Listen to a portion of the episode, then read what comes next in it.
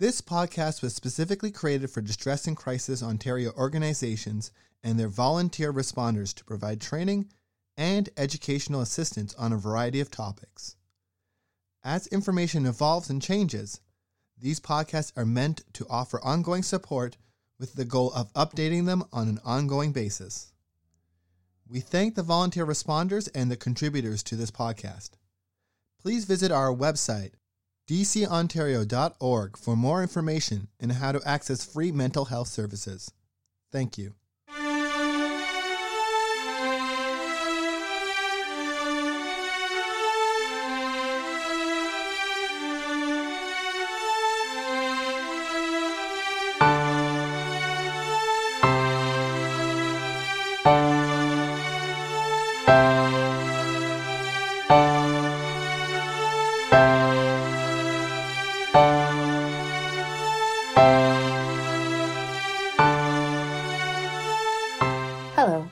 Name is Caitlin Plant, and I am the Program Manager at Distress and Crisis Ontario. Thank you for listening to today's podcast. As we enter hot summer days and societal pressures to have a quote unquote beach ready body seem to be bombarding us from every form of media, we wanted to share some pieces from an article by the Canadian Mental Health Association's, or CMHA's, South Cariboo branch titled Body Image, Self Esteem, and Mental Health, which we included in our June newsletter. You can read the full article by visiting our website, www.dcontario.org forward slash resources forward slash e news dash views and clicking on the June 2022 newsletter. Body image and self esteem start in the mind, not in the mirror. They can change the way you understand your value and worth, and healthy body image and self esteem are a big part of well being. Body image is mental and emotional. It's both the mental picture that you have of your body and the way you feel about your body when you look in a mirror. Healthy body image is more than simply tolerating what you look like or not disliking yourself. A healthy body image means that you truly accept and like the way you look right now and aren't trying to change your body to fit the way you think it should look.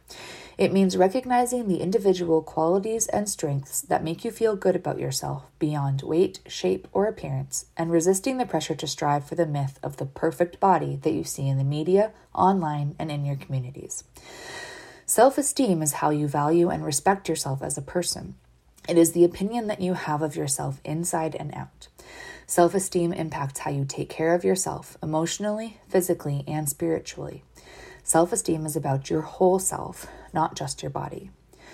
When you have good self esteem, you value yourself and you know that you deserve good care and respect from yourself and from others. You can appreciate and celebrate your strengths and your abilities, and you don't put yourself down if you make a mistake. Good self esteem means that you still feel like you're good enough even when you're dealing with difficult feelings or situations. Why do body image and self esteem matter? Body image and self esteem directly influence each other and your feelings, thoughts, and behaviors. If you don't like your body or a part of your body, it's hard to feel good about your whole self. The reverse is also true. If you don't value yourself, it's hard to notice the good things and give your body the respect it deserves. For example, some positive feelings you may have about your body image could include I am comfortable with the way I look. I'm in tune with what my body needs. I know that looks have nothing to do with worth or abilities. In turn, a positive sense of self esteem may be reflected in beliefs like I feel confident and capable. I place realistic expectations on myself. I respect myself. These positive outlooks then impact your mental health by building awareness of things like I make time to take care of myself, even when I'm dealing with difficult feelings or situations. I know I can start working to solve problems. I can handle disappointments or difficult feelings and know that they don't reflect on my worth. Things may not be 100% perfect all the time, and that's okay. These are just a few examples. As you can see, good body image, self esteem, and mental health are not about making yourself feel happy all the time. They are really about respecting yourself and others, thinking realistically, and taking action to cope with problems or difficulties in healthy ways. In comparison, if you are thinking negatively about your body image, for example, I don't like the way I look, I wish I looked more like these other people, there's something wrong with me, Your self esteem may be negatively impacted by thoughts like, I don't think I'm good enough. Other people are better than me. I should be able to do these things. There must be something wrong with me if I can't. This could then influence your mental health with ideas that nothing ever works out. If I can't handle this problem, I must be a failure. If this isn't perfect, it's a total disaster. I feel overwhelmed and low. I don't take time out to take care of myself. As you can see, the problem with negative thinking and feelings is that once people start to focus on shortcomings or problems in one area or one situation, it becomes very easy to see only problems in many other areas or situations. Negative thinking has a way of leading to more negative thinking. We at Distress and Crisis Ontario would also like to acknowledge that these struggles are also compounded by the fact that the body is very political. Our societies, government policies, popular beliefs, and more impact how we think about the way we look. Questions about who owns our bodies, who legislates it, who abuses it, and how we dress it, especially with the previously mentioned expectation of having a quote unquote beach body, add an underlying complication to an already difficult and complicated topic. So, how can we encourage a healthier body image? Treat your body with respect. Eat well balanced meals and exercise because it makes you feel good and strong, not as a way to control your body. Notice when you judge yourself or others based on weight, shape, or size, and ask yourself if there are any other qualities you could look for when those thoughts come up. Dress in a way that makes you feel good about yourself in clothes that fit you now. Find a short message that helps you feel good about yourself and write it on mirrors around your home to remind you to replace negative thoughts with positive thoughts. Surround yourself with positive friends and family who recognize your uniqueness and like you just as you are. Be aware of how you talk about your body with family and friends. Do you often seek reassurance or validation from others to feel good about yourself? Do you often focus only on physical appearances? Remember that everyone has challenges with their body image at times. When you talk with friends, you might discover that someone else wishes they had a feature you think is undesirable. Write a list of the positive benefits of the body part or feature you don't like or struggle to accept. The next time you notice yourself having negative thoughts about your body and appearance, take a minute to think about what's going on in your life. Are you feeling stressed out, anxious, or low? Are you facing challenges in other parts of your life? When negative thoughts come up, think about what you'd tell a friend if they were in a similar situation, and then take your own advice. Be mindful of messages you hear and see in the media and how those messages inform the way people feel about the way they look. Recognize and challenge those stereotypes. If you are one of the many people worried about having a quote unquote beach body, perhaps the following advice shared in an article from CMHA Waterloo Wellington titled Rethinking Are You Swimsuit Body Ready will help you out. This article was written by Stacy Reinsma, an eating disorders clinician at CMHA Waterloo Wellington.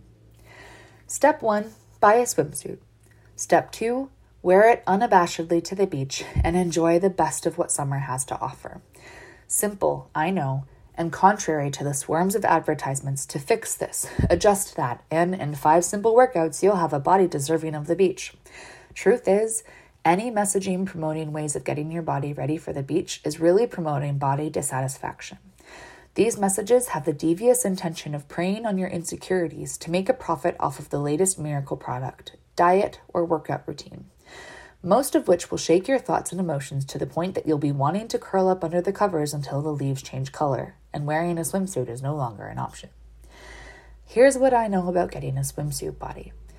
Feeling comfortable on the beach has nothing to do with your shape and size. As appealing as it might be to drop a couple pounds, it won't ever be enough to tip the scales of comfort in your favor while wearing a swimsuit. To lessen the feeling of terror at the thought of a swimsuit, you have to work on changing how you see your body, not changing your body. First off, stop telling yourself that a couple pounds will make a difference. There really is nothing but you and your negative self talk getting in the way of accepting your body and allowing yourself to fully participate in the joys of the pool or beach. When you imagine your body as an object for everyone to gawk at as they stroll along the shoreline, of course you're going to be self conscious. Change your focus instead to the ways your body serves you at the beach. Without those funny looking toes, you wouldn't be able to walk along the shoreline. Without that arm that has a little jiggle, you wouldn't be able to play a round of volleyball or pick rocks along the water. So, next time you are standing in front of a mirror, picking apart your quote unquote unready beach body, show a little self compassion for the flaws that you judge so harshly. Accepting yourself and owning every bit of your perceived imperfections and flaws will not only liberate you, but is sure to promise you a body that is ready to be seen in any swimsuit and take on beaches anywhere. We hope that these articles have helped calm some of the insecurities most of us face at this time of year. But if you feel like it would be helpful to talk with someone about how this article may have made you feel or about some of your own insecurities, our member centers and or ONTX volunteers would be more than happy to support you. You can find your nearest center by visiting www.dcontario.org forward slash locations, and ONTX's chat feature can be found on any page of our website by clicking the Looking for Support sidebar. ONTX can also be reached by texting support to 258 258 and is available from 2 p.m. to 2 a.m. Eastern Standard Time daily. Many of our member centers offer support 24 7, but all hours can be found on our locations page. If you have any feedback or requests, please fill out our feedback form shared in our show notes. We'd love to hear from you. You can access the show notes by clicking or tapping on the episode title in whatever podcast streaming service you use. This week, we'll be hosting our annual general meeting online. Registrations are now open, and the link to do so can be found in our show notes. We are looking forward to gathering virtually with membership and the community to celebrate our 2021 to 22 fiscal year and to plan for what's ahead. Thank you for listening to this week's podcast. We hope you have a great week and will join us again next time. Take care.